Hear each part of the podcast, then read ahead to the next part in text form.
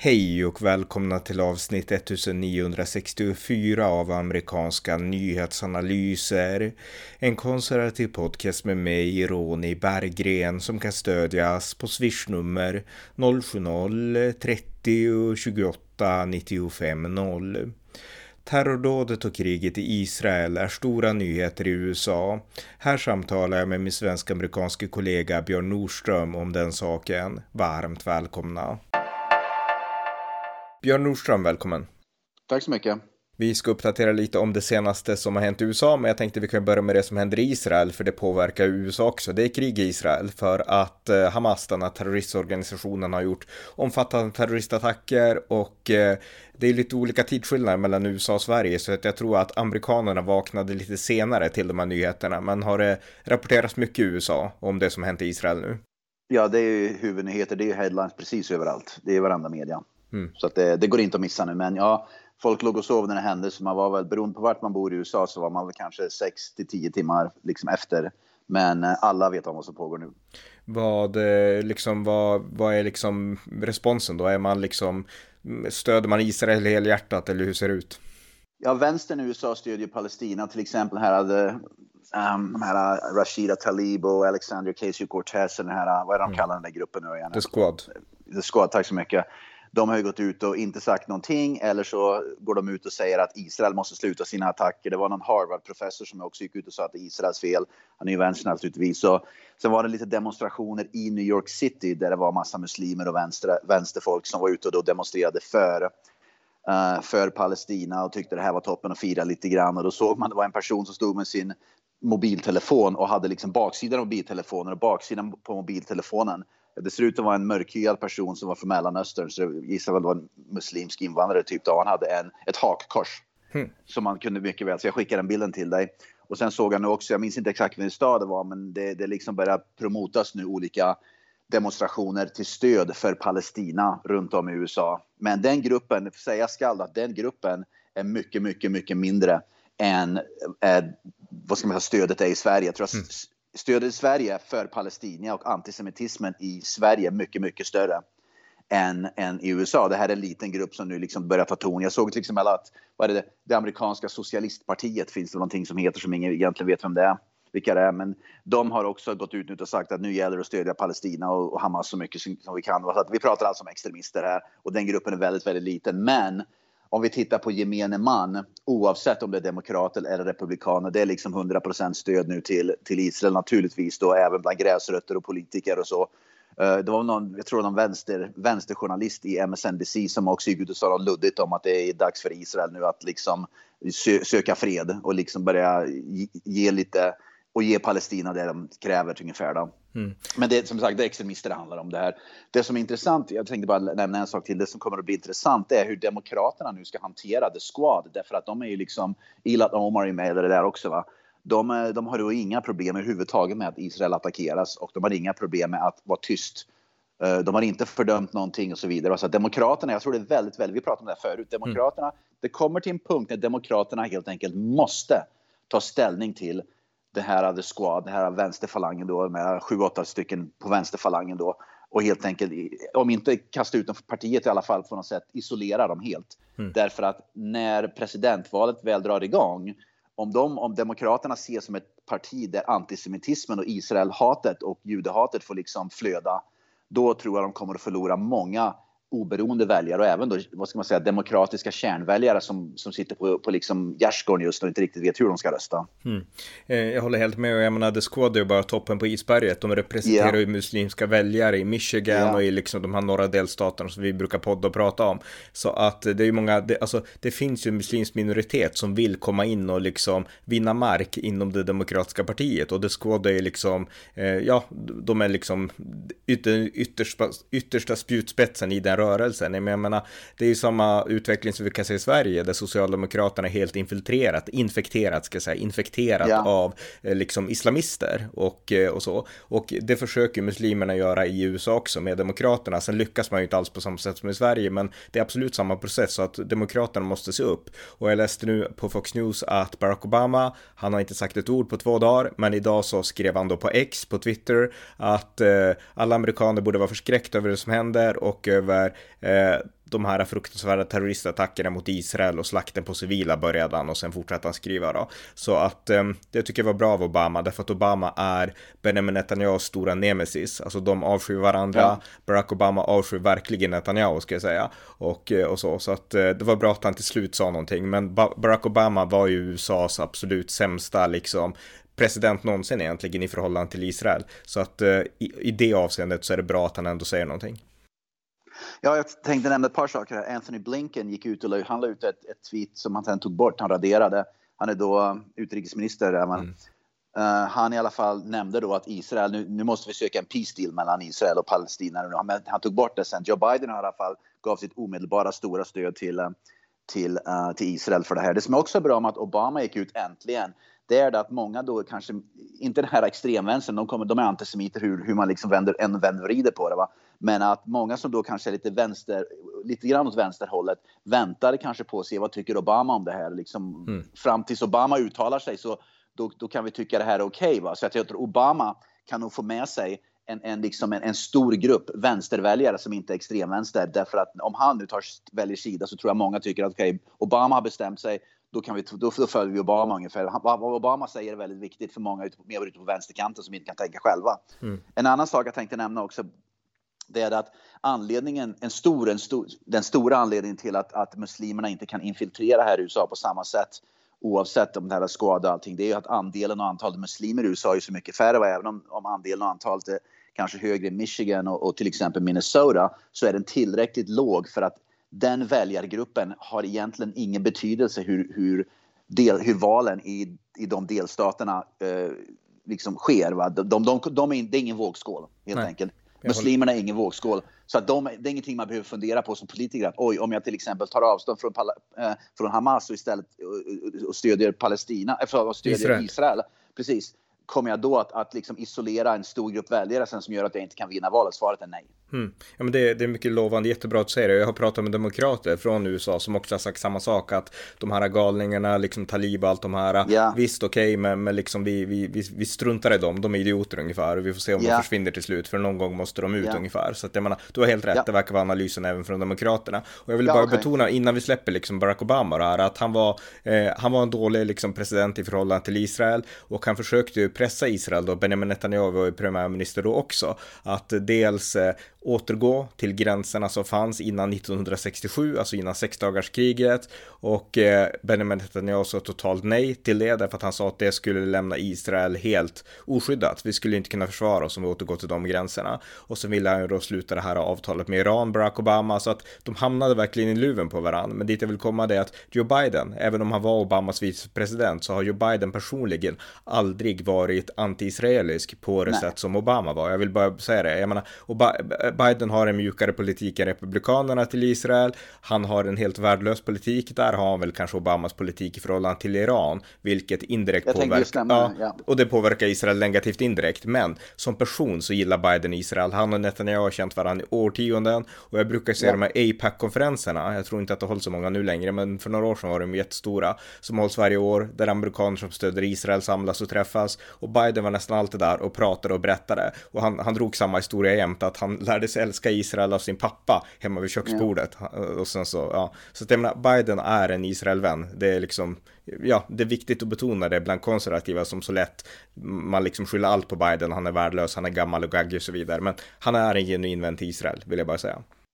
Ja, det där tror jag många, till exempel uh, Nancy Pelosi med, det här gamla gardet i Demokraterna, de är också, det är också storstöd för Israel. Mm. Och jag vet att, som, som bara för att nämna att Barack Obama, jag tror att han har alltid varit naiv i, i förhållande till hotet från islamister och terrorismen egentligen. Han har på något sätt varit lite, det är lite socialdemokrati över honom i det där att man, mm. man är man bara snäll och trevlig mot dem och liksom är tillmötesgående så liksom då är de snälla och trevliga tillbaka ungefär. Jag tror aldrig han förstod att att så fungerar inte islamisterna och terroristerna. Man kanske på ytan kan tro det, men i grunden så, så har de en agenda som helt enkelt aldrig går att förändra mm. genom bara att vara snäll och trevlig. Det var en, och, det, det, var en ja. intressant poäng, men om vi tar Stefan Löfven här i Sverige, han var naiv för att han var dum, alltså han var korkad, ja. han fattade inte mycket. Eh, Barack Obama var naiv för att han var smart, alltså han trodde för mycket om de här uh, skitländerna liksom. Precis, ja, ja precis, precis. Ja, Obama är väldigt, väldigt intelligent, men jag tror också att det finns den här godtroheten, mm. naiviteten som gör att man man, det spelar ingen roll hur intelligent man är, att man, är man naiv så är man naiv. Och man liksom begriper inte att, att liksom naiviteten kan, kan liksom få helt att, man får helt fel bild och förståelse för verkligheten. Mm.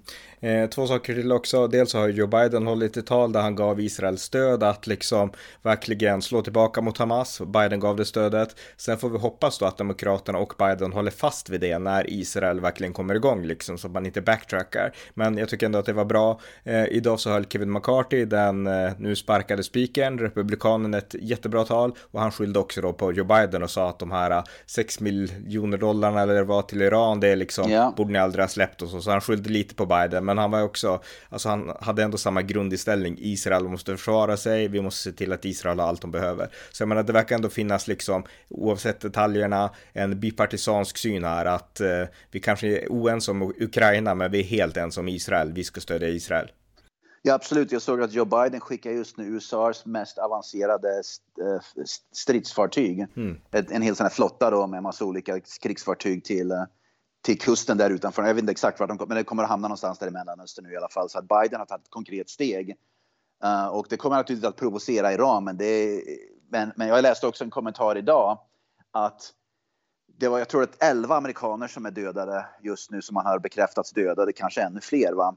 Och frågan är ju då, nu är det ju det massa, om det är massa amerikaner som också dör, hur, hur påverkar det liksom USA? Så vad har de för liksom, um, ansvar?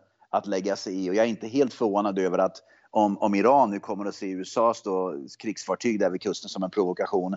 Och Iran skickar ofta iväg såna här vad heter de, mindre båtar de försöker attackera med. Så mm. säg att det kommer några sådana va, från Iran som, som, då, som, som de här stridsfartygen kommer att skjuta ner. Vart drar USA gränsen för att attackera? Mm. Liksom sätta hårt mot hårt. Va? Um, så att jag, jag, sannolikheten att det kan bryta ut ett större krig där USA är inblandat tror jag har ökat ganska kraftigt nu. Mm. Samtidigt som USA har ingenting alls att frukta från Iran. Så att jag menar, det, nej, finns, nej, inget, nej. det finns inget att vara rädd för liksom. De har inte kärnvapen eller någonting. Och det här är ett krig som, jag menar, USA kommer aldrig att behöva sätta soldater på marken i Iran. Utan det här kan man sköta från luften inte. och med hangarfartyg och så. Och eh, på tal om liksom det här, det heter förresten, jag läser nu, det USS Gerald Ford Carrier Strike okay, Group tack, heter, tack. heter den här ja, hangarflottan då. Okay. Eh, och, men det, dit jag vill komma är att jag kollade på SVT tidigare idag. För de rapporterade ja, i två, tre timmar live direktsändning om det som händer i Israel och på Gaza då nu. Och eh, då nämnde de att USA, programledaren nämnde att USA har skickat dit ett jättestort stridsskepp. Vad kommer det innebära? Kommer USA gå in i Gaza? Så det var en programledare med noll koll liksom. Jag menar, ja, självklart ja, kommer USA inte skicka in soldater Herregud. i Gaza liksom. Nice. Utan USA är där för att avskräcka Iran och för att markera att vi backar upp Israel. Det är en markering liksom. Så jag menar, det är så stor okunskap tycker jag i Sverige. Alltså liksom på den här banala nivån i svensk media. Och sen så kollade jag på Fox News och där var det ju proffsexperter. Och ja. eh, då menar jag inte liksom programledarna utan de hade bjudit in riktiga experter som verkligen kunde ja. förklara och som också hade, därför att Sverige har, det är inte så att Sverige saknar människor som har kunskaper. Det, sådana finns i Sverige. Sverige är ju väldigt så här, liksom vila experter och liksom personer som är bildade. Men i USA, det är det som skiljer USA, där vågar de här expert, experterna göra de moraliska ställningstagandena. Det var en som jag såg som pratade väldigt tydligt om, jag menar han la ut historien och förklarade likheter och skillnader mellan Jom Kippur-kriget 1973. Eh, ja. Men sen var han också väldigt tydlig att vi måste vara glasklara här. Eh, Israel är den goda sidan. Det är de som har blivit ja. attackerade av en terroriströrelse. De måste försvara sig. Det kanske blir blodigt, det kanske blir liksom saker som inte någon egentligen vill se. Men Israel har den moraliska liksom legitimiteten att göra det här. De har blivit attackerade. Det här är deras 9-11 och deras Pearl Harbor, sa han. Så att jag ja. menar, det, den klarsyntheten och den här moraliska tydligheten, den saknas verkligen i Sverige, tycker jag.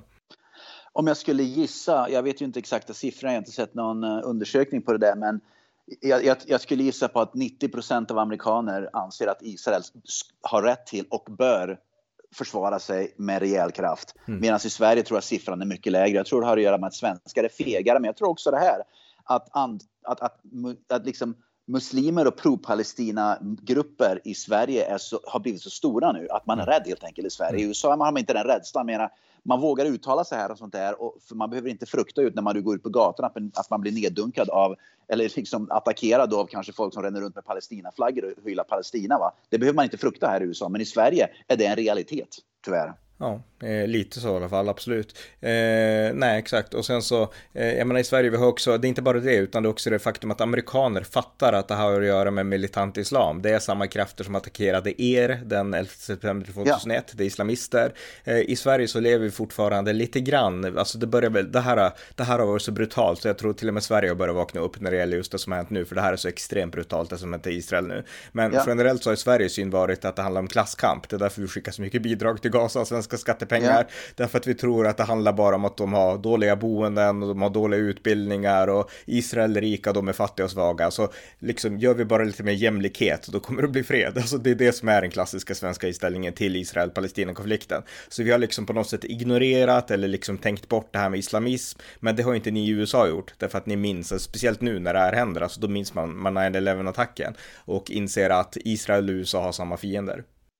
Ja, visst, eh, och även det att många, man känner, jag, jag har två av våra absolut närmsta vänner, personliga vänner som vi träffar regelbundet, är judar, så mm. vi känner väldigt många judar.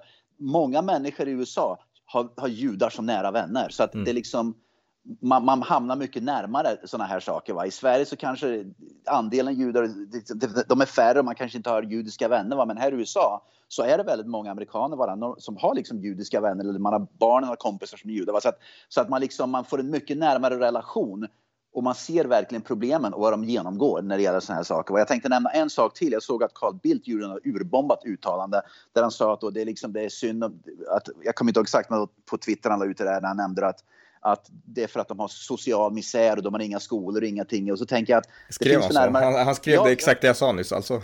ja, precis. Mm. det var ju det han gjorde. Han kom ut och, och förklarade att det här beror på att de, att, att de, att de, har en, de lever i en misär, ungefär som att invandrare i Sverige måste gå begå brott därför att de, de lever i utsatthet. Va? Eh, och min tanke är ju så här, och han sa att det är fattigdom också. Det finns en miljard fattiga i världen över som inte alls begår terroristbrott. Va? Och mm. varför är det just fattiga i just vissa, vissa under, under islam som begår de där terroristbrotten? Jag menar, hel, halva, 90 procent av filippinier lever ju i, i, i mis, social misär och i fattigdom. Och i många liksom, länder har ju då majoriteten av befolkningen lever i fattigdom. Varför begår inte de en massa terroristmål mot andra människor eller mot sin egen befolkning? Eller liksom, varför är det just i Mellanöstern? Och det är liksom, Bildt verkar inte, han, han har verkar noll koll på det där. Ja, jag håller med, han är helt värdelös när det kommer till sådana saker. Men det här visar verkligen, jag menar, att, eh, ja men dels visar det att Donald Trump hade rätt om ganska mycket som gäller det här i Mellanöstern ja. också, det som händer där. Och, så, och jag läste faktiskt en sak, det här var rätt intressant då, därför att nu har vi sett alltså att Hamas-anhängarna i Sverige jublar. Det är ju liksom, det här, alltså backa, för 20 år sedan var det ju så faktiskt, ja. efter 9-11-attacken, jag skrev ett inlägg om det här på Facebook, att då var det många, det fanns de som var invandrare, palestinier och liksom muslimer som jublade vid 9-11-attacken och eh, det ryktades om att muslimer i USA också gjorde det. Men det här var någonting som aldrig snappades upp av mainstream media. Dels för att det var ganska marginellt, det fanns inte lika många muslimer då och dels för att inga reportrar var intresserade av de miljöerna på den tiden. Alltså, eh, så ingen visste någonting och eh, Donald Trump har tagit upp det här 2015 i presidentvalskampanjen och sa att jag minns hur de jublade och alla bara nej men det där är inte sant, det stämmer inte liksom. Och jag menar, nu vet vi bevisligen att det finns muslimer som jublar åt att Hamas Hamas attackerar Israel. Så jag menar, är det så otroligt att de skulle ha jublat vid 9-11-attacken? Jag menar, jag personligen känner människor som såg eh, liksom ja. muslimer jubla, så att jag vet att det ja, hände. Men, men liksom, ja. Mm.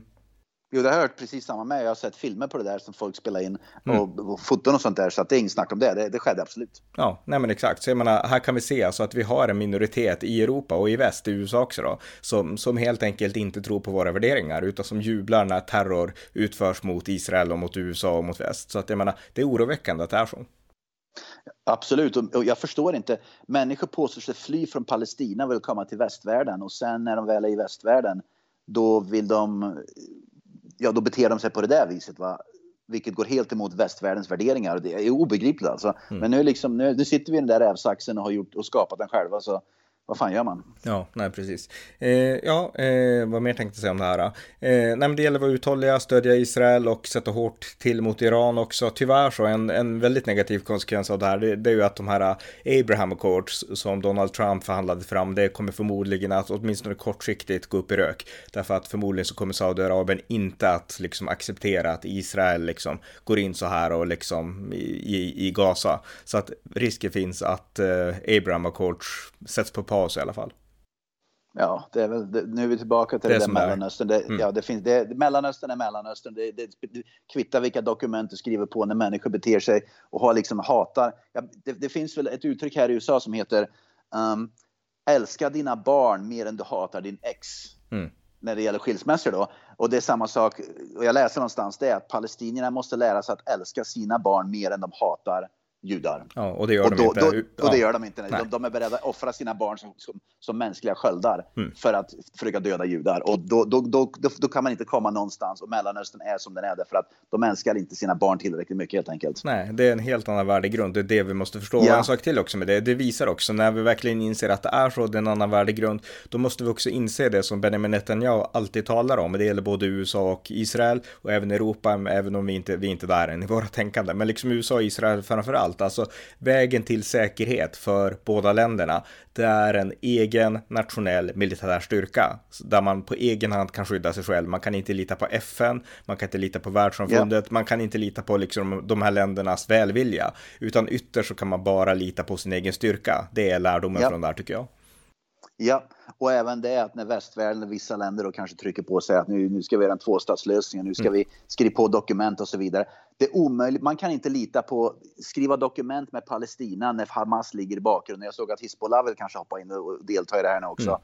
Och att, att Israel kan aldrig gå med på att ställa upp och skriva dokument, för de vet att skriva ett dokument, Hamas, det, det, det, det, liksom, det dokumentet är helt värdelöst från den sekunden den skrivs, därför att Hamas kommer att attackera när de får möjligheten, mm. oavsett dokumentet. Dokument som vi skriver, det är bara någonting som västvärlden liksom anser att i, det är liksom bara vi i väst som kommer att följa sånt de här mer, mindre civiliserade länderna då i Mellanöstern och till exempel, de skiter i de där dokumenten. De skriver på dem för att det passar dem just då för tillfället. Mm. Men sen när de är tillräckligt starka och kan attackera, då slänger man dokumenten och attackerar. Så det är så de funkar. Mm. Och det är det vi i västvärlden inte begriper. Nej, exakt. Och det finns till och med ett begrepp för det här, en term, en muslimsk teologisk Jaha. term som heter hudna. Och det handlar om att muslimer kan ingå i fred med otrogna, till exempel som det är mellan Hamas och Israel. Men då ingår man i fred när man är svag. Alltså man känner jag är för svag ja, ja, ja. för att kriga, då ingår jag i fred. Men det är inte riktig fred utan en vapenvila och man slickar sina sår och bygger upp en styrka och när man är tillräckligt starka då attackerar man igen. Och det är exakt så här som liksom Hamas gör hela tiden. De, liksom, de attackerar Israel, sen får de stryk och så visar de upp så att döda palestinska barn inför världssamfundet och EU och USA säger nej men nu Israel får ni sluta liksom det här, det här ser inte bra ut. Och Israel gör som USA, de bryr sig inte om Europa så mycket men de gör, gör som USA säger därför att Israel är så otroligt beroende av amerikanskt stöd. Men, men liksom Eh, sen går det i cykler och så gör Hamas samma sak igen och Israel går in och de visar upp några döda barn, ja. palestinierna och USA säger men Israel skärper er liksom. Ja. och jag menar, den här gången får vi hoppas att, eh, för det är det som är en hodna, det är så de gör då Hamas. Den här ja. gången får vi hoppas att USA och Europa inte liksom spelar med i det här liksom, i det här leken, utan låter Israel avsluta jobbet och totalt krossa Hamas. För det är det som måste ske nu. Ja, och jag läste någonstans, det var någon som la ut ett tweet, jag minns inte vad det var, men det var i alla fall ett tweet, jag, jag paraphrase det hela nu, mm. men han, han sa ungefär som att vi i Europa, vi i västvärlden har blivit så naiva att vi anser att styrka har blivit en svaghet, att vi vill inte visa styrka längre därför att vi anser att liksom det, det, det, är liksom, det är oförskämt att visa styrka. Men de länderna som vi har att göra med, till exempel då Mellanöstern och, och de här många som vi kallar för citattecken ociviliserade länderna, va? det enda de förstår sig på är styrka om vi visar svaghet, det ser de som en direkt svaghet och någonting till deras fördel. Va? Så att västvärlden måste helt enkelt börja, börja begripa att, att vissa länder förstår bara en sak och det är militär styrka. Det är allt de förstår, ingenting annat. Exakt, helt rätt. Och det betyder också att det om något, alltså om vi bara förstår att det är så, då måste vi också förstå varför Israel måste slå till hårt. Ja. Därför att om Israel inte slår till hårt, då liksom framstår inte Israel starka, utan då kommer ja. Hamas att tolka det som ja. att titta Israel svaga, de kan inte, kan inte slå tillbaka, för det, det är deras små kokohjärnor, alltså Hamas. Då är liksom, om man inte slår tillbaka hårt, då är det väldigt enkelt, de är svag. För de har ingen Exakt. annan, liksom, de kan inte ge någon annan förklaring, det måste betyda att de är svaga, liksom. För att och deras... Även ja, mm. ja, och även om Israel skulle gå med på att skriva på en fredsförhandling just nu, att skriva på något mm. dokument och det, de ska göra liksom en fredsgrej. Då kommer ju Hamas också se som att oh, Israel har inte kapacitet att kunna anfalla eller, eller kriga mm. mot oss, de är svaga. Va? Mm. Så, att det är liksom allt, så Israel har allt att förlora på att, att, att, att liksom nu avsluta ja. och ingå i en slags fredsavtal. De har allt att förlora och de kan iskallt räkna med att nästa gång de blir attackerade kommer det bli ännu värre. Mm. Och det är samma signal som skickas till Iran om Israel Iran, inte slår tillbaka så hårt nu, för då kommer Iran ja. också tolka, mm, de är svaga liksom. Så jag menar, Israel ja. måste visa nu att vi är starkast i Mellanöstern, vi kommer krossa Hamas och om Iran gör något så kommer vi att förstöra Iran också liksom med USAs hjälp. Så att jag menar, det är det som, som Israel verkligen måste göra. Så att, eh, ja, ja det har varit mycket, jag, ja, fortsätt. Mm. Ja, jag tänkte bara ha en fråga, vi kan nästan ta en, en uppdatering om andra saker som en, liksom, som en annan uppdatering. Ja, vi, exakt, vi gör så, vi gör så. Vi nöjer oss här och sen så ja, får vi ta en ny. Fråga, ja. Jag har bara mm. en fråga till dig. Nu när vi vet att det finns så många aggressiva muslimer och även vänster, men framförallt aggressiva muslimer i Sverige då som dels koranbränningarna då, de, de, de gapar och skriker om och vill liksom börja begå våld över och nu även Palestina. Tror du att, att det här med att om, om svenskar och Sverige nu börjar, till och med Magdalena Andersson uh, stödde Israel och tog avstånd från Hamas, tror du att det ökar risken för terroristattacker i Sverige ännu mer. Ja, det, jag tror att det påverkar någonting? Ja, jag tror det. Alltså, speciellt i kombination med koranbränningarna. Till slut ja. så rinner liksom droppen i, över bägaren liksom. Och jag menar, Precis, vi har så otroligt, ja, vi har så många, som du var inne på, jag menar, USA har, det är en minoritet ändå muslimer i USA. Det går att stävja. Den, ja. Om de börjar begå lite uppror, det går att stävja därför att de, de är inte tillräckligt många Nej, helt enkelt. De är få och amerikaner kan vara tuffa om de vill. Jag menar, Sverige är i motsatt läge. Ja. De är jättemånga och Sverige vågar aldrig göra något. Precis. Liksom, så jag menar, vi sitter i skiten, så är det liksom. Eh, yep. Men förhoppningsvis så kan vi få tuffare ledarskap. Jag såg Jimmy Åkesson, han gick ut och uttalade sig om att om det finns liksom Hamas-ledare i Sverige, eh, då är han helt öppen för att kunna utlämna dem till Israel. Så jag menar, det är stenhårt sagt tyckte jag. Så jag menar, får vi in ett sånt politiskt ledarskap kanske finns hopp. Ja, det, jag tror det är det enda som krävs. Mm. På något sätt så måste man visa Sverige tuffhet med. Annars vet vet naturligtvis Hamas och, och, allt det där att de kan göra vad de vill i Sverige. De kan väl liksom börja använda Sverige nu som en grogrund för terrorism mot mm. Israel. Mm. Ja, ja, verkligen. Och det får inte ske. Nåväl, men då har vi uppdaterat om det här. Vi får ta nästa uppdatering ja. nästa gång som sagt. Så att, det gör vi. Ja, tack ja. Björn. Tack. Tack. Tack för att ni har lyssnat på amerikanska nyhetsanalyser. En konservativ podcast som kan stödjas på swishnummer 070-30 28 95 0 eller via hemsidan på Paypal, Patreon eller bankkonto. Skänk också gärna en slant till valfri Ukraina eller Israelinsamling. Tack igen för att ni har lyssnat.